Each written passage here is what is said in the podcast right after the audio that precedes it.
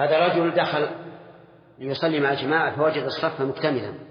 فيصدق خلف الصف لقول الله تبارك وتعالى فاتقوا الله ما استطعتم.